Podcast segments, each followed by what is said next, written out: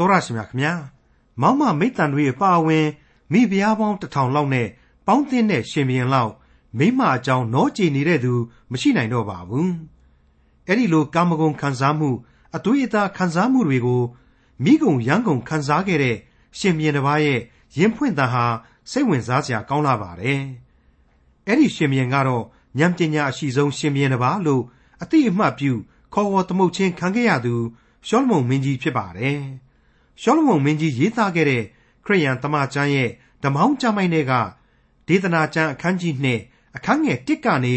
အခန်းငယ်7အထိကိုဒီကနေ့သင်သိရသောတမန်ကျမ်းအစီအစဉ်မှာလေ့လာမှာဖြစ်ပါတယ်။ငါကြိုးစားအားထုတ်သမျှတို့ကိုငါကြည့်ရှု၍အလုံးစုံတို့သည်အနတ္တအမှုလေကိုကျက်စားသောအမှုဖြစ်ကြ၏လို့နောက်ဆုံးမှာမှတ်ချက်ချခဲ့တာဟာတကယ်ပဲမှန်ကန်ပါရဲ့လားဆိုတာစဉ်းစားဆင်ခြင်စရာဖြစ်ပါတယ်။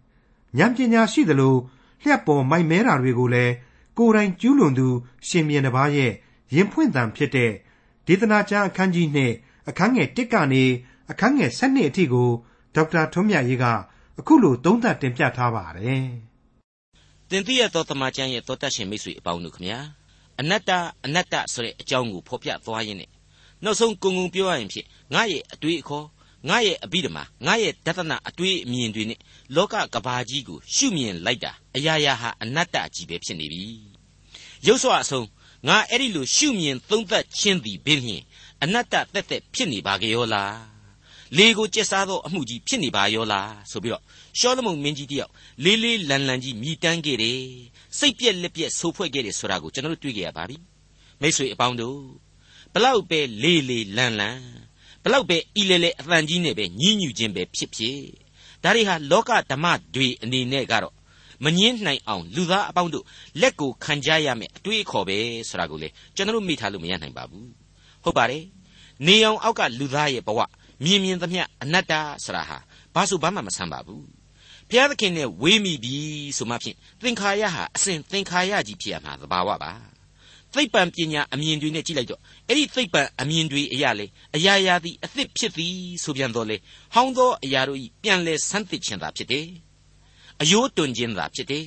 တစ်ချိန်မှမေ့ပြီးတော့နှောင်းလူတွေဟာဟောင်းသောအရာတွေကိုကြောခိုင်းသွားတော့လေပဲ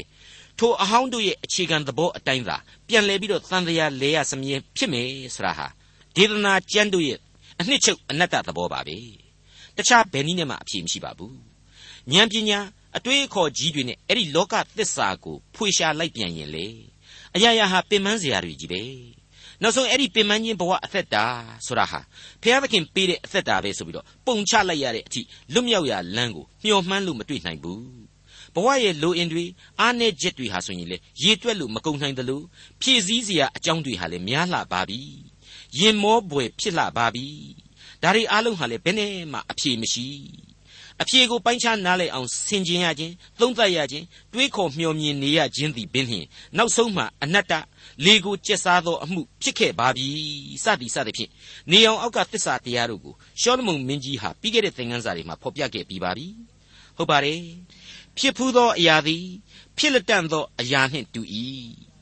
နေအောင်မှအသစ်သောအမှုအရာမရှိ ကြည်ပါအသစ်ဖြစ်၏ဟုဆိုရသောအမှုအရာတစုံတစ်ခုရှိသလော ထိုအမှုအရာသည်ငါတို့အရင်ရှေးကာလ၌ဖြစ်ဖူးပြီးရှေးဖြစ်ဖူးသောအမှုအရာတို့ကိုမေ့လျော့တတ်၏နောက်ဖြစ်လက်တန့်သောအမှုအရာတို့ကိုလေထိုအမှုအရာနောက်၌ဖြစ်လက်တန့်သောသူတို့သည်မေ့လျော့ကြလိမ့်မည်တခါဆက်ပြီးတော့အဲ့ဒီအနတ္တတရားကိုမှရှင်းလင်းပြန်လိုက်တာကတော့ငါဓမ္မဒေသနာဆရာသည်ယေရုရှလင်မြို့၌ဣသရီလရှင်ဘရင်ဖြစ်စဉ်တွင်မိုးကောင်းကင်အောက်၌ပြည်သမျှတို့ကို ဉာဏ်ပညာအားဖြင့်ရှာဖွေစစ်ဆေးခြင်းဟာနှလုံးထား၏လူသားတို့ကျင်လည်ရဖို့ထိုပင်ပန်းစေသောအမှုကိုဘုရားသခင်ပေးတော်မူပြီး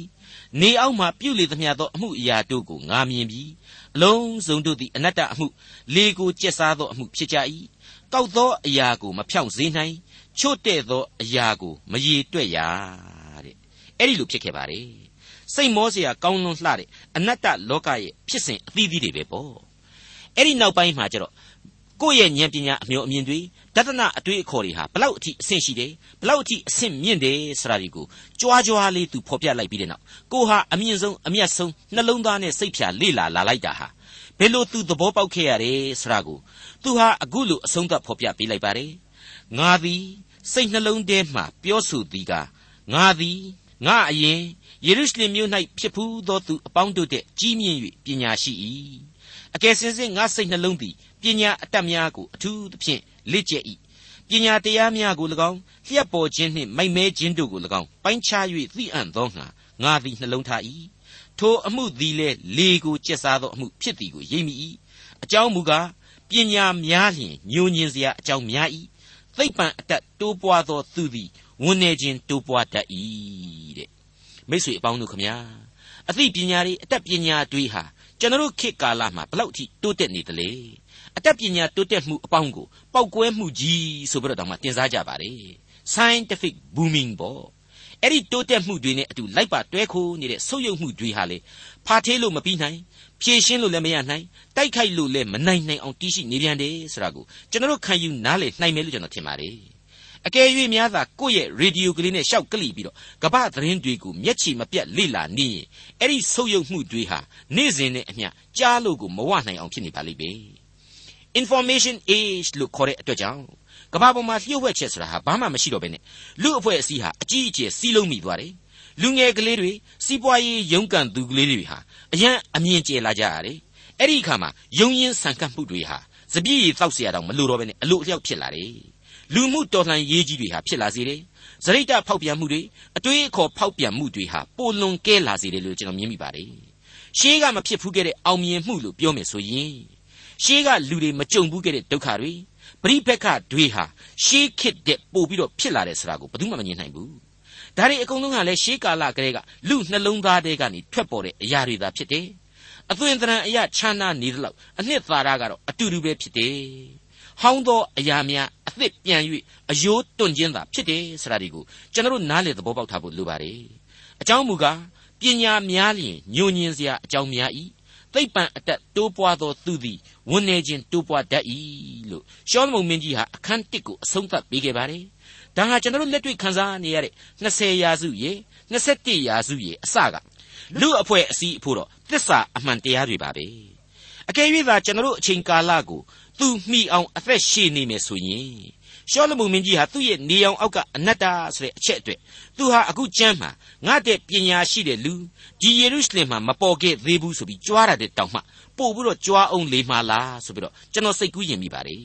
ဘာဖြစ်လဲဆိုတော့သူရေးခဲ့တဲ့အနတ္တတရားဟာနေအောင်အောက်မှာတော့တစ္ဆာတရားတွေပဲတစ်ချိန်တည်းမှာနော်အသက်ရှင်တော်မူသောအဖဖခင်သခင်ရဲ့မေတ္တာရိပ်ကယ်တင်ခြင်းကျေးဇူးနဲ့ဂရုဏာတော်အရေးအောက်ကနေပြီးတော့ရှုမြင်သုံးသပ်လိုက်ရင်တော့ ဒီအနတ္တတရားဟာအလွန်ကောင်းမွန်တဲ့အသက်လံအင်မတန်မြင့်မြတ်တဲ့လူဘဝဆိုတာကိုပြောင်းလဲပြီးတော့မြင်နိုင်ရလိမ့်မယ်ဟေးဆိုတာကိုရှောလမုန်မင်းကြီးဟာဖြည့်ဆွက်နိုင်မှမလွဲဧကန်အမှန်ပဲလို့လည်းကျွန်တော်ခန်းစားရပါတယ်ဟုတ်ပါတယ်မိတ်ဆွေအပေါင်းတို့နေအောင်အောက်ကလူဘဝမြင်မြင်သမျှအနတ္တဆိုတဲ့သစ္စာတရားဟာကျွန်တော်တို့အဖို့ဘုရားသခင်နဲ့ဝေးနေသူလူသားကြီးတယောက်ရဲ့လက်ရမှန်တယ် ဒါပေမဲ့နှုတ်ကပတ်တော်ရဲ့တော်ဝင်ကြမ်းကြီးအဖြစ်ဘုရားသခင်ရဲ့ဝိညာဉ်တော်ဟာဆက်လက်လမ်းပြသွားမှာသာဖြစ်တယ်ဆိုတာကိုကျွန်တော်တင်ပြလိုက်ပါရစေမိတ်ဆွေအပေါင်းတို့ဒီကနေ့သင်ခန်းစာကိုတော့အခန်းကြီး2နဲ့ကျွန်တော်တို့စတင်လေ့လာကြပါစို့ဒေသနာကျမ်းအခန်းကြီး2အငယ်1တဖန်ငါသည်ကိုယ်စိတ်နှလုံးထဲမှပြောသည်ကလာပါရှင်လန်းခြင်းအပြင်သင်ကိုငါစုံစမ်းမည်တို့ဖြစ်၍ကာမဂုဏ်၌ပျော်မွေ့လောဟုဆိုရတွင် ထိုအမှုအရာသည်လေအနတ္တဖြစ်လေ၏ မိတ်ဆွေအပေါင်းတို့ရေကာမဂုဏ်ခံစားမှုအာယုံခံစားမှုတွေနဲ့အကြီးအကျယ်ပျော်မွေ့ခဲ့တဲ့အသွေးအသားမင်းကြီးတစ်ပါးကရင်ဖွင့်လိုက်တဲ့အသံပါပဲဟုတ်ပါတယ်မောက်မမိတ်ဆန်အပအဝင်မယားပေါင်းတစ်ထောင်လောက်နဲ့ပေါင်းခဲ့တဲ့ရှောလမုန်ဖြစ်ပါတယ်သူ့တဲ့မိမအကြောင်းကိုနောကြည်နေတဲ့လူတော့လောကကြီးမှာရှိမယ်လို့တောင်ကျွန်တော်မထင်ပါဘူးအခုအချိန်ကာလမှာဆိုရင် STD လို့ခေါ်တဲ့လိင်ကိစ္စကြောင့်ဖြစ်ပေါ်တဲ့ကူးစက်ယောဂါတွေ အဲ့ဒီထက်ကမှအချွတ်အကျိတ်တရဖူဆောင်းလာတဲ့ AIDS ယောဂါဇိုးကြီးတို့ကိုအကြောင်းပြုပြီးတော့လိင်ကိစ္စပညာပေးဖို့လိုပြီဆိုပြီးတော့ကဘာနဲ့အဝှမ်းကြွေးကြော်လာကြပါတယ်ပညာရေးသမားတွေစဉ်းစားလာကြပါတယ်ပညာတွေကိုလည်းနီလန်းအမျိုးစုံနဲ့ပေးလာကြတယ်ကလေးတွေကိုဘ ഹു တုတဖြစ်အောင်လို့ဆိုပြီးတော့နီးအမျိုးစုံနဲ့သွန်သင်လာကြတယ်ဆိုတာတွေကိုသိရပါတယ်ဂရဝါသကိစ္စများမြောင်လူတို့ပေါင်းဆိုပြီးတော့လူပေါင်းဟာဂရဝါသကိစ္စနဲ့မကင်းနိုင်ဘူးဆိုတာကိုဖော်ပြပါတယ်မိတ်ဆွေများခင်ဗျာ ကဘာဥကလေးကဘုရားသခင်ဟာလိင်ကိစ္စကိုခွင့်ပြုထားတာပဲမဟုတ်ဘူးလားကဘာကိုလူတရိษံတို့နဲ့ပြည့်စေတယ်ဆိုတာကိုလည်းဘုရားသခင်ကိုတော်တိုင်ဖော်ပြပါတယ်ပြီးတဲ့နောက်မှာတော့လူအဖွဲ့အစည်းကိုလင်ကိစ္စနဲ့ပတ်သက်တဲ့ပြည့်ညတ်တော်ပေါင်းမြောက်များစွာနဲ့လည်းပဲကွညှက်ပေးထားတယ်ထိမ့်ချုပ်ပေးထားတယ်ဆိုတာကိုနှုတ်ကပတ်တော်ရဲ့နေရာအနှံ့အပြားမှာကျွန်တော်တို့တွေ့နိုင်ပါတယ်အခုလိုထူးပြီးတော့ဒါကိုပဲအကျယ်တွင်ပညာပေးရတာတွေအရွယ်တောင်မှမရောက်ခင်ကတည်းကပွင့်လင်းအောင်ရှင်းပြရတာတွေဆိုတာတွေဟာလူတွေရဲ့သဘာဝမကြမှုတွေ လွန်ကျူးစွာလိုက်စားမှုတွေဆုပ်ယုပ်စွာကြင့်ကြံမှုတွေကနေပြီးတော့နောက်ဆက်တွဲပေါ်ထွန်းလာရတဲ့အကျိုးရုပ်မှုတွေပဲဘသူမပြုတ်မိမိမှုအကျိုးဆက်တွေပဲလို့ကျွန်တော်ဆိုချင်ပါတယ်အခုရှောလမုန်မင်းကြီးဟာကာမဂုဏ်အာယုံခံစားမှုတွေနဲ့အတူရှင်လန်းခြင်းဆိုတာကိုပါထည့်ပြီးပြောတာကြောင့်သေရည်တောက်စားမှုတွေပါပါလာအောင်ဖော်ပြတယ်လို့ကျွန်တော်ခံယူပါတယ်ခြုံငုံပြီးတော့သုံးသပ်ရမယ်ဆိုရင်တော့လောကီအသွေးအသားရမက်များနဲ့လောကသစ္စာကိုဖွေရှာကြည့်တယ်ခံစားကြည့်တယ် ရောင်ရဲတင်းတိမ်အောင်ကြိုးစားကြည့်တယ်ထိုအမှုအရာသည်လေအနတ္တပင်ဖြစ်၏ဆိုတဲ့အဖြေကိုသူဟာနောက်ဆုံးမှရပြန်ပါတယ်တဲ့ဟုတ်ပါတယ်ဒီကာမဂုဏ်အရသာဆိုတာကတော့ခွေးတွေလည်းဒီအတိုင်းပဲခံစားရပါတယ်ကြောင်တွေကြွက်တွေလည်းဒီအတိုင်းပဲခံစားရတာပဲမဟုတ်ဘူးလားအဲ့ဒီလိုနေအောင်အောက်ကသဘာဝမှာအသွေးအသားကိုအသွေးအသားတက်တက်နဲ့ပဲကြည့်မယ်ဆိုရင်တော့ဒါဟာအမှန်တကယ်ပဲအနတ္တအဖြစ်သာခံစားရမှာအသေးအချာပဲဖြစ်နေပါပြီမိတ်ဆွေအပေါင်းတို့ခမညာ ဒေသနာကျမ်းအခန်းကြီး2အငယ်1ကိုဆက်ပြရစီရေမောခြင်းကိုသင်သည်အယူဖြစ်၏ဆို၍၎င်းရှင်လန်းခြင်းကိုအဘယ်ကြောင့်ဤသို့ပြုသည်ဟု၍၎င်းငါဆိုရ၏မိတ်ဆွေအပေါင်းတို့ခမညာရှောလမုန်မင်းကြီးဟာကာမဂုဏ်အရသာတွေကိုအမျိုးမျိုးခံယူတယ်အရက်တောက်ပြီးတော့လေဆေးကလေးဝါးကလေးနဲ့ရှင်နေမြူတယ်အားမရတဲ့အဆုံးကျတော့နန်းတော်တဲကိုပျော်တော်ဆက်တီခေါ်ပြီးတော့ပေါ်လုံးထုတ်ခိုင်းပြီးတော့ဟာသရသနဲ့အရသာခံတယ်တဲ့အဲ့ဒါနဲ့လည်းမကျေနပ်နိုင်ပြန်ဘူးဆိုပဲ ဟုတ်တယ်နေအောင်အောက်မှာတော့အရသာဒါပေမဲ့အဲ့ဒီနေအောင်ကိုယ်တိုင်ဟာရွေလျောရမယ်ဆိုတာကိုစိတ်ကအသိနဲ့တွေးမိယုံလောက်ကလေးနဲ့အဲ့ဒီအရသာတွေဟာအကုန်လုံးခါသွားရလိမ့်မယ်ဖွဲ့သွားရလိမ့်မယ်ဒေသနာကျမ်းအခန်းကြီး2အငယ်3မှ6တဖန်လူသားတို့သည်မိုးကောင်းကင်အောက်၌တစ်သက်လုံးပြုသင့်သောအမှုကောင်းကိုသိအံ့သောငါပညာတရားကိုလေ့ကျက်လျက်နှင့်စပြည့်ရည်အလိုသို့လိုက်၍မိုက်သောအကျင့်ဒလိ၌ကျင်လေခြင်းငှာ ငါကြံစီ၏ကြီးကျယ်သောအလုတ်ကိုစီရင်၍အိမ်တို့ကိုဆောက်၏စပြည့်ဥယျင်တို့ကိုလည်းစိုက်၏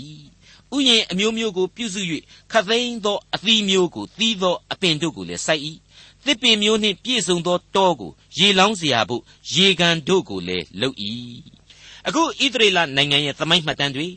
ဘူမိဗေဒသုတေသီတွေရဲ့သုတေသနလုပ်ငန်းတွေအရရှောလမုန်မင်းကြီးခေတ်မှာမြင်းဆောင်ကြီးတွေနဲ့မြင်းတွေမွေးခဲ့တာဥယျင်ကြီးတွေတည်ခဲ့တာ အဆောက်အုံကြီးတွေဆောက်ခဲ့တယ်ဆိုတာတွေ့ကိုအမှန်အတိုင်းပြန်ပြီးတွေ့ရပါတယ်ဓမ္မရာဇဝင်ဒီကပြောတဲ့အတိုင်းကွက်တိပါပဲသူဟာဖခင်ကြီးဒါဝိဒ်ပေးအပ်ခဲ့တဲ့အမွေလေးနဲ့ညင်ညင်ညောင်ညောင်ကြီးဒုနှံပြီးတော့နန်းဆန်ခဲ့ရတယ်လောကအရာသားတွေကိုအပြည့်အဝခံစားခဲ့ရတယ်သူမလုပ်ဘူးတဲ့အပျော်အပါးဆိုတာတခုမှမရှိနိုင်ဘူးဆိုတဲ့အချက်တွေကိုကျွန်တော်တို့နားလည်ခံယူသဘောပေါက်ထားဖို့လိုပါတယ်ဒေသနာကျမ်းအခန်းကြီး2အငယ်9နဲ့10ကျွန်ယောက်ျားကျွန်မိန်းမတို့ကိုသိမ့်ယူ၍ ကျွန်တပေါက်များလဲရှိကြ၏ငါအရင်ယေရုရှလင်မြို့၌ဖြစ်ဖူးသောသူအပေါင်းတို့တဲ့ငါသည်တိရစ္ဆာန်အကြီးအငယ်တို့နှင့်အလွန်ရတတ်၏ရွှေငွေကို၎င်းရှင်ဘရင်နှင့်ဆိုင်သောဗန္တာကြေးရွာတို့၌ခွဲသောအခွန်ကို၎င်းငါစီးပူ၏အငိမ့်သမားယောက်ျားမိန်းမတို့ကို၎င်းလူသားတို့ပျော်မွေ့တတ်သောကျင်လျာမိန်းမမောင်းမမိတ်ဆန်တို့ကို၎င်းငါသိမ့်ယူ၏ရှင်းရှင်းလင်းလင်းလေးပဲသူဝန်ခံလိုက်ပါတယ် ကျွန်ယောက်ျားကျွန်မိန်းမတွေရဲ့အပြင်ကျွန်တပေါက်တွေကိုပါသူပိုင်သေးတယ်ဆိုတော့သူ့ရဲ့လက်အောက်မှာဘလောက်အထိကျွန်နေများမယ်ဆိုတာစဉ်းစားတာကြည့်ကြပြီတော့ဟုတ်ပါတယ်ကျွန်ယောက်ျားကျွန်မိန်းမအပြင်ကျွန်တပေါက်တွေဆိုတာဟာအဲ့ဒီကျွန်ယောက်ျားကျွန်မိန်းမတွေကမွေးတဲ့နောက်မျိုးဆက်တွေကိုပါသူပိုင်တဲ့သဘောကျွန်ပြုတ်နိုင်တဲ့သဘောမျိုးဆက်တို့ကိုပင်20အထိလှမ်းပြီးတော့စိုးမိုးနိုင်တဲ့အေယာမဧကိယတယောက်ပဲလက်ညှိုးညွှန်ရမှာရေဖြစ်တယ်ဆိုတဲ့သဘောပါပဲ သူ့ခေတ်ကိုကျွန်တော်တော့အတိအကျတော့ပုံမဖော်ပြတတ်ပါဘူးဒါပေမဲ့သူခံစားခဲ့ရတဲ့ပျော်မွေ့မှုတွေပျော်ရွှင်မှုတွေအပေါင်းတို့ဟာကျွန်တော်စိတ်ထင်ပြောရမယ်ဆိုရင်အခုအမေရိကန်က Las Vegas တို့ပြင်သစ်ကညကလပ်ကြီးတွေရှိတဲ့အရက်တို့တွေဟာရှောလမုန်ပျော်ရာအရက်တွေရဲ့မိဖို့ကြောင့်အဆင့်လောက်ပဲဖြစ်လိမ့်မယ်လို့တောင်ကျွန်တော်တွေးမိပါတယ်အခုဘန်ကောက်တို့ ဖိလစ်ပိန်းစ်တို့မှာရှိပါတယ်ဆိုတော့ကျွန်တော်တို့ကြားဘူးတဲ့ရေချိုးကမ်းကြီးတွေဆိုတာဟာလေသူအညောင်းပြေလန်းသလားရအရက်လောက်ပဲများရှိမလားလို့ကျွန်တော်တွေးမိပါတယ်သူစင်းကြံလျှောက်တဲ့လောက်ပဲရှိနိုင်မယ်လို့တောင်ကျွန်တော်ထင်မိပါတယ်သူ့ကိုအဲ့ခံရတဲ့ဂီတဝိုင်းတွေဟာလေအခုခေတ်နဲ့နှိုင်းလိုက်မယ်ဆိုရင်တော့ကဘာကျော်မက်ဒေါနာတို့လိုအဖွဲ့တွေမိုက်ကယ်ဂျက်ဆန်တို့လိုအဖွဲ့တွေပါဝင်လိမ့်မယ် တခါတလေချက်ပြန်တော့လေအဲ့ဒီလောက်ကပအစင်အတန်းအမိကပွဲကြီးတွေတို့သချင်းတွေတို့ကိုငါညင်းငွေတယ်တောကြကြကလေးမှပျော့ခြင်းတယ်မိဘုံပွဲကလေးနဲ့မှပျော့ခြင်းတယ်ဆိုလို့အဲ့ဒီမိဘုံပွဲမှာဝိုင်းကျင်တယ်ဆိုတဲ့အတွက်ကြောင့် gypsy အရင်ကကြီးတွေတွေကိုပြေးပြီးတော့ခေါ်ပေးရလိမ့်မယ်ဧကရေဘယင်မင်းမြတ်ကြီးပျော်ရွှင်အောင်ဆိုပြီးတော့ခုနလွှာအကကကြီးတွေတွေနဲ့လေသူ့ကိုပျော်တော်ဆက်ပေးရမှာဧကန်အမှန်ပဲလို့ကျွန်တော်တွက်ပါတယ်သိကြပါတယ်အငယ်6နဲ့10ကိုသာဆက်ပြီးတော့ကြည်ကြပြီတော့ ထို့သောငါအရင်ယေရုရှလင်မြို့၌ဖြစ်ပူးသောသူအပေါင်းတို့တဲ့ငါသည်တိုးပွား၍ကြီးမြင့်ခြင်းသို့ရောက်၏ငါပညာလည်းတည်လျက်ရှိ၏ငါမျက်စိတက်မဲ့လိုချင်သောအရာတစုံတစ်ခုကိုမျှငါမငင်းငါစိတ်ရှင်လန်းเสียတစ်ခုကိုမျှငါမပေငါကြိုးစားသမျှတို့၌ဝမ်းမြောက်လျက်ရှိ၍ကြိုးစားခြင်းအကျိုးကိုခံရ၏ကဲမိษွေတို့ရေစဉ်းစားသာကြည့်ကြပြီတော့ရှောလမုန်မင်းကြီးမှာပြင်းเสียများဘာတစ်ခုရှိသေးသလဲ မမြူးရတာများဘာများကြံသေးသလဲဖတ်ရတာကြားရတာနဲ့ကိုပဲဇိမ်မဲဇိမ်မဲဆိုပြီးတော့တွေးစရာကြီးတွေတောစရာကြီးတွေအပြည့်အနှက်ဖြစ်နေပါပြီထူးနေတာကတော့ပြီးခဲ့တဲ့အခန်းကြီး1ထဲကဖော်ပြချက်တွေကိုပြန်ပြီးတော့ဆွဲယူညှိနှိုင်းလို့ရလာတဲ့အချက်ပါပဲအခန်းကြီး1မှာတော့အငယ်16မှာအခုလိုတွေ့ကြရပါတယ်ငါသည်စိတ်နှလုံးထဲမှာပြောဆိုသည်ကငါသည်ငါအရင်ယေရုရှလင်မြို့၌ဖြစ်ဖူးသောသူအပေါင်းတို့တဲ့ကြီးမြင့်၍ပညာရှိ၏ အကယ်စင်စစ်ငါစိတ်နှလုံးသည်ပညာအတတ်များကိုအထူးသဖြင့်လေ့ကျက်၏တဲ့အဲ့ဒီလိုသူ့ရဲ့ပညာဉာဏ်အဆင့်အတန်းကိုအခန်းကြီး1မှာဝါကြွားခဲ့ခြင်းဖြစ်ပါတယ်အခုအခန်းကြီး2အငယ်9မှာကျတော့ငါအရင်ယေရုရှလင်မြို့၌ဖြစ်ပူးသောသူအပေါင်းတို့တဲ့ငါသည်တိုးပွား၍ကြီးမြင့်ခြင်းသို့ရောက်၏ဆိုတဲ့အချက်ပါဒါဟာလည်းနောက်ထပ်ဝါကြွားရလောက်အောင်သူကြီးပွားတိုးတက်တယ်ဆိုတာကိုဖော်ပြပါတယ် ဉာဏ်ပညာတိုးတက်ခြင်းနဲ့အပြိုင်တိုးတက်ခြင်းလို့ဒီအခန်းကြီး1နဲ့နှိုင်းယှဉ်ပြီးတော့ဆိုရပါလိမ့်မယ်မိတ်ဆွေအပေါင်းတို့နေအောင်အောက်ကပညာဉာဏ်နဲ့ရှင်တွဲနေတဲ့အဲ့ဒီကြီးရင်မှုတွေမှာသူဖျားသခင်ကိုဖော်ပြပါသလားမဖော်ပြပါဘူးနဘေးမှာဖယ်ထားပါလေ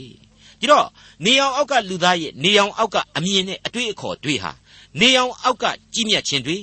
ကောင်းစားခြင်းတွေချမ်းသာကြွယ်ဝခြင်းတွေအပေါ်မှာသာဗဟုပြုနေတယ်ဆိုတာကိုကျွန်တော်တို့ရှင်းရှင်းကြီးသတိပြုကြရပါလိမ့်မယ် အငယ်30မှာကျတော့အဲ့ဒီလိုမြင်သမျှတွေ့သမျှတွေဟာငါစိတ်ကြိုက်ကြည့်ပဲဆိုတာကိုဆက်ပြီးဖော်ပြပါတယ်ဟုတ်ပါတယ်အကျွင်းမဲ့အာနာရှင်ဧကိယကြီးဒီကနေ့ဘယ်ကိုထွက်ချင်တယ်လဲလဲချင်တယ်လဲသူထွက်မယ်ဆိုတဲ့လမ်းမှာကော်စောနီကြီးခင်းပြီးတော့ရေမွှေးတွေဖြန့်ပက်ထားမှသိကြတယ်သူ့မျက်စိတစုံမှာချက်ချင်းပန်းဥယင်ကြီးဖြစ်အောင်စိုက်ပြို့ပေးလိမ့်မယ်မိမချောကလေးတွေနဲ့သူ့ကိုပန်းကျဲပြီးတော့ကြိုးဆိုခဲ့ကြလိမ့်မယ်ကြိုးစားခြင်းအကျိုးလို့ तू ကပြောတာပြောတာနော် အမှန်တကယ်တော့ဘာမှကြိုးစားဖို့တောင်မှလိုမယ်မထင်ဘူးအကုန်လုံးဟာရေကန်အသင့်ကြာအသင့်ဖြစ်အောင်သူ့ရဲ့ကျွန်နေကျွန်တပေါက်တွေဟာပြင်ဆင်ကိုပေးရလိမ့်မယ်လို့ကျွန်တော်ဆိုချင်ပါတယ်ဒေသနာကျမ်းအခန်းကြီး2အငယ်7ထိုအခါငါစီရင်ပြုပြင်သမျှငါကြိုးစားအားထုတ်သမျှတို့ကိုငါကြည့်ရှု၍အလုံးစုံတို့သည်အနတ္တအမှုလေကိုကျက်စားသောအမှုဖြစ်ကြ၏နေအောက်မှာကောင်းသောအကျိုးတစုံတစ်ခုမျှမရှိ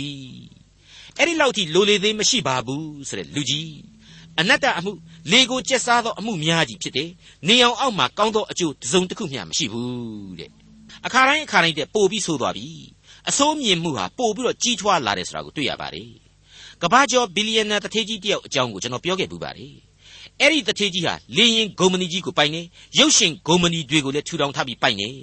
ကိုယ်တိုင်ဟာသိပ္ပံအတက်တွေကိုတက်လို့လေပြန်ဒီဇိုင်းဆွဲနိုင်တယ်ဒါကြောင့်လဲနောက်ပိုင်းလေပြန်ဂုံမဏီကိုပါသူပိုင်တော့တာပါ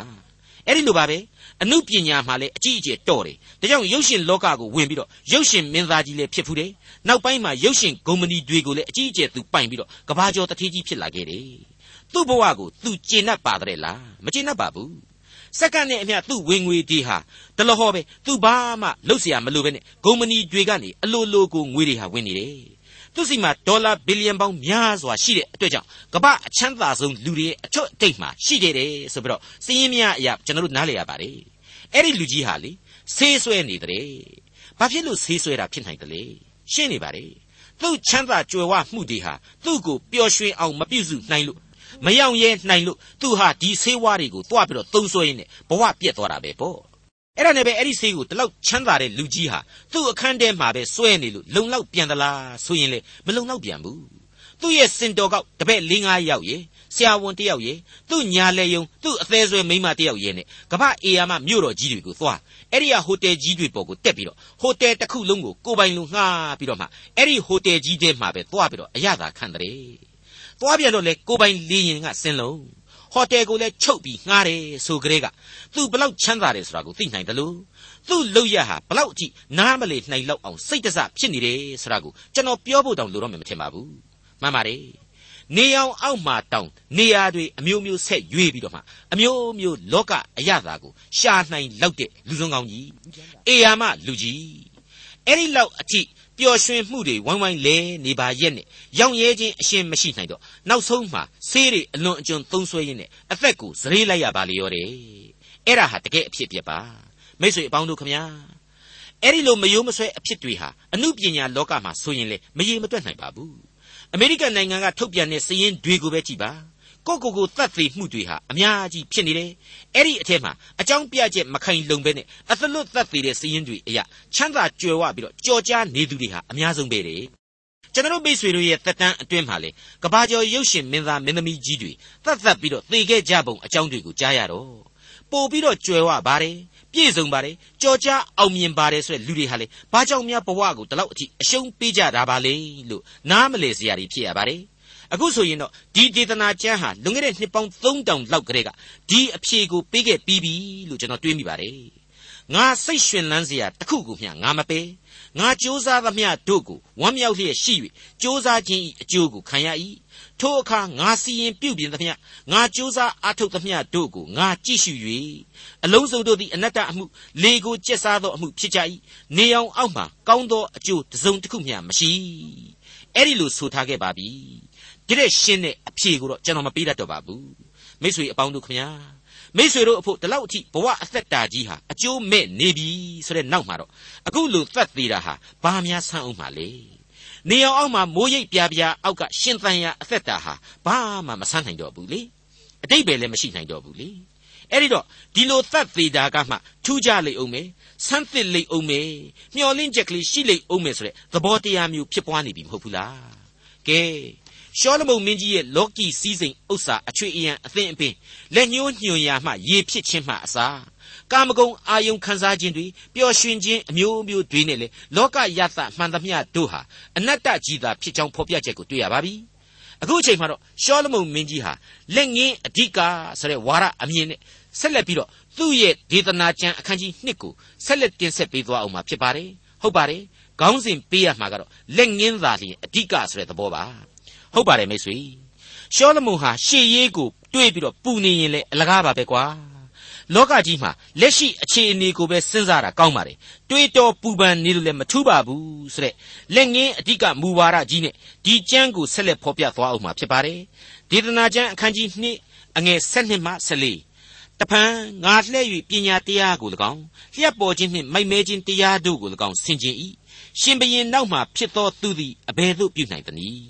ပြုဘူးသည်အတိုင်းသာပြုနိုင်၏တို့ရတွင်အလင်းသည်မှောင်မိုက်တဲ့မြတ်တကဲ့သို့ပညာသည်မိုက်မဲခြင်းတဲ့မြတ်သည်ကိုငါသိမြင်၏ပညာရှိသောသူ၏မျက်စိတို့သည်သူ၏ဥကောင်း၌ရှိ၏မိုက်သောသူမူကားမှောင်မိုက်၌ကျင်လေတတ်၏သို့တော်လည်းထိုသူအပေါင်းတို့သည်တခုတည်းသောအမှုနှင့်တွေ့ကြုံတတ်သည်ကိုငါရိပ်မိ၏ ငါနောက်ပိုင်းမှာတက်လာမဲ့မင်းများနဲ့တကွငါခေရဲ့နှောင်းလူတွေရဲ့ခင်မှာလေအခုတက်တော့ထူးပြီးတော့မကောင်းနိုင်ပါဘူးတဲ့ဒါပေမဲ့အလင်းဟာမှောင်မိုက်တဲ့မြတ်တယ်လို့ပညာတရားကလေးများရှိရင်တော့လူမိုက်တွေတက်တော့သာမှာပါလေတဲ့ဟုတ်ပါတယ်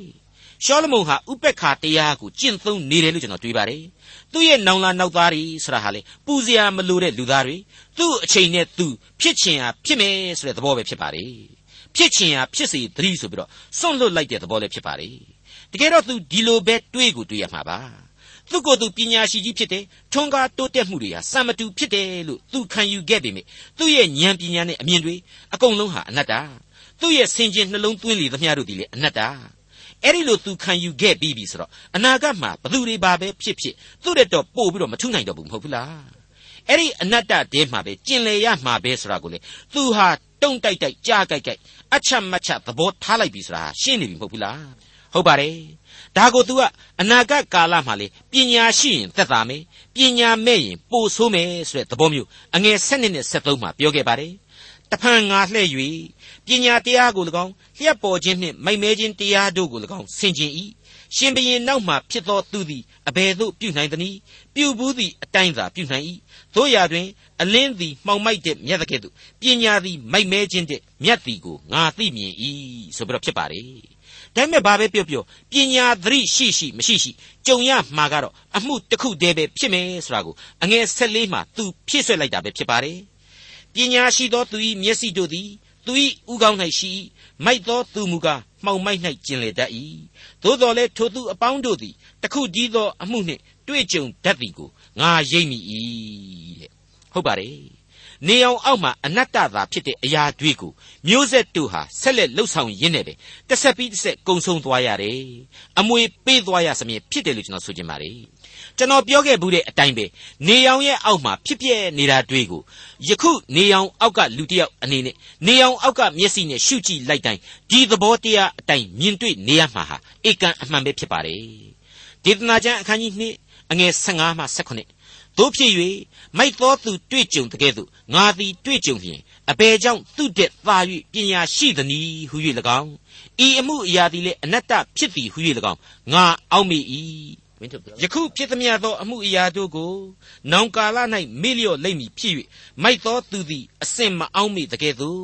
ပညာရှိသောသူကိုလည်းအစင်မအောင်မိတတ်ပညာရှိသောသူသည်မိုက်သောသူသေတကဲ့သို့သေတတ်ပါသည်တကားထို့ကြောင့် အသက်ရှင်ခြင်းကိုငါညှင်းငွေ၏နေအောက်မှပြုသောအမှုသည်ငါ၌ခက်ခဲ၏အလုံးစုံတို့သည်အနတ္တအမှုလေကိုကျက်စားသောအမှုဖြစ်ကြ၏မိတ်ဆွေအပေါင်းတို့ခမညာဒီကနေ့သင်ခန်းစာမှာအဆိုးမြင်တဲ့နေရာမှာကန်းကုံအောင်အဆိုးမြင်နေတဲ့အနတ္တဆရာကြီးရှောလမုန်ရဲ့ရင်မောပွေဖော်ပြချက်တို့အားဖြင့်ကြဆုံးနေရသောလူဘဝဟာ ဘုရားသခင်ရဲ့ကယ်တင်ရှင်ကျေးဇူးတော်ဆိုတာလိုအပ်ခြင်းရှိမရှိဆင်ခြင်ကြပါပြီလို့လေးစားစွာတိုက်တွန်းနှိုးဆော်လိုက်ပါရစေဒေါက်တာထွန်းမြတ်ရေးစီစဉ်တင်ဆက်တဲ့တင်ပြရသောတမချန်းအစီအစဉ်ဖြစ်ပါတယ်နောက်တစ်ချိန်အစီအစဉ်မှာခရိယန်တမချန်းရဲ့ဓမ္မဟောင်းကျမ်းပိုင်းတွေကဒေသနာကျမ်းအခန်းကြီး2အခန်းငယ်73ကနေအခန်းငယ်26အထိကိုလေ့လာမှဖြစ်တဲ့အတွက်စောင့်မျှော်နားဆင်နိုင်ပါတယ်။